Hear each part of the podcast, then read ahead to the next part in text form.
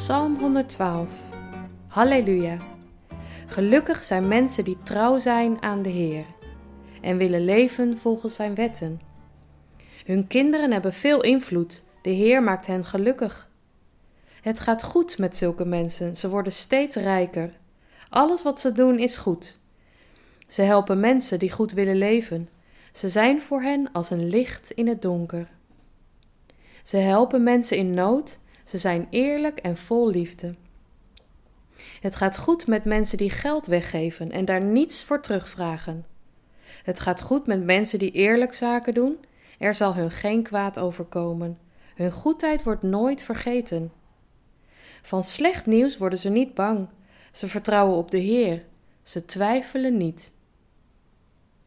Ze maken zich geen zorgen, ze hebben geen angst. Ze weten dat ze zullen winnen van hun vijanden. Ze geven veel aan arme mensen. Alles wat ze doen is goed. Anderen hebben veel respect voor hen. Als slechte mensen dat zien, worden ze kwaad.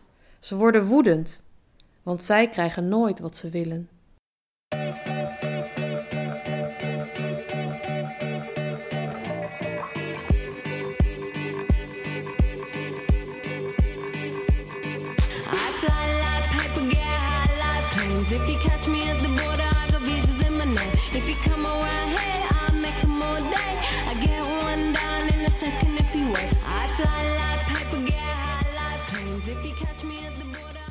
Het gaat goed met mensen die geld weggeven en daar niets voor terugvragen. Hun goedheid wordt nooit vergeten.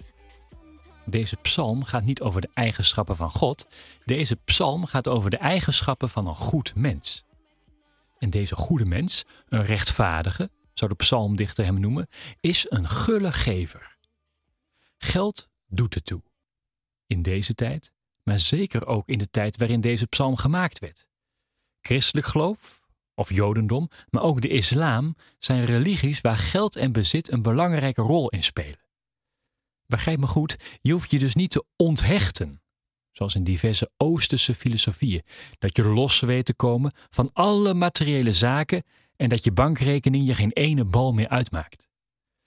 In de Bijbel is geld en bezit een zegen van God. En die zegen, daar mag je van genieten, maar uiteindelijk deel je het ook weer uit.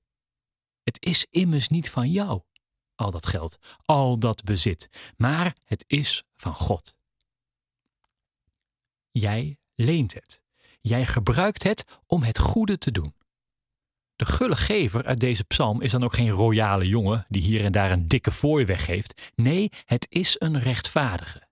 Zolang er nog mensen wegkwijnen van de honger, zolang er nog mensen geen dak boven hun hoofd hebben, zolang er nog mensen zijn die iedere nacht slecht slapen door de geldzorgen, zolang zijn er nog mensen nodig die geven om niet. En we kunnen bidden voor rechtvaardige verdeling, of we kunnen kijken wat we hebben en verdienen en wat we daarvan echt nodig hebben. Dat is makkelijker gezegd dan gedaan. Jezus zelf zou het later zeggen tegen een rijke jonge man. Jezus vraagt hem dan om alles op te geven. Dat wil de jongen niet, want hij heeft zoveel. Hij heeft te veel. Het is makkelijker voor een kameel om door het oog van een naald te kruipen zegt Jezus dan met die typische Joodse humor van hem. Een kameel, door een oog van een naald. Dat kan niet. Het is niet alleen moeilijk, het is onmogelijk. Maar als we er oog voor krijgen en in het klein beginnen, zal het beter gaan. Hoe gul is God eigenlijk? En heb je ooit stilgestaan bij Zijn gulheid voor de mensen?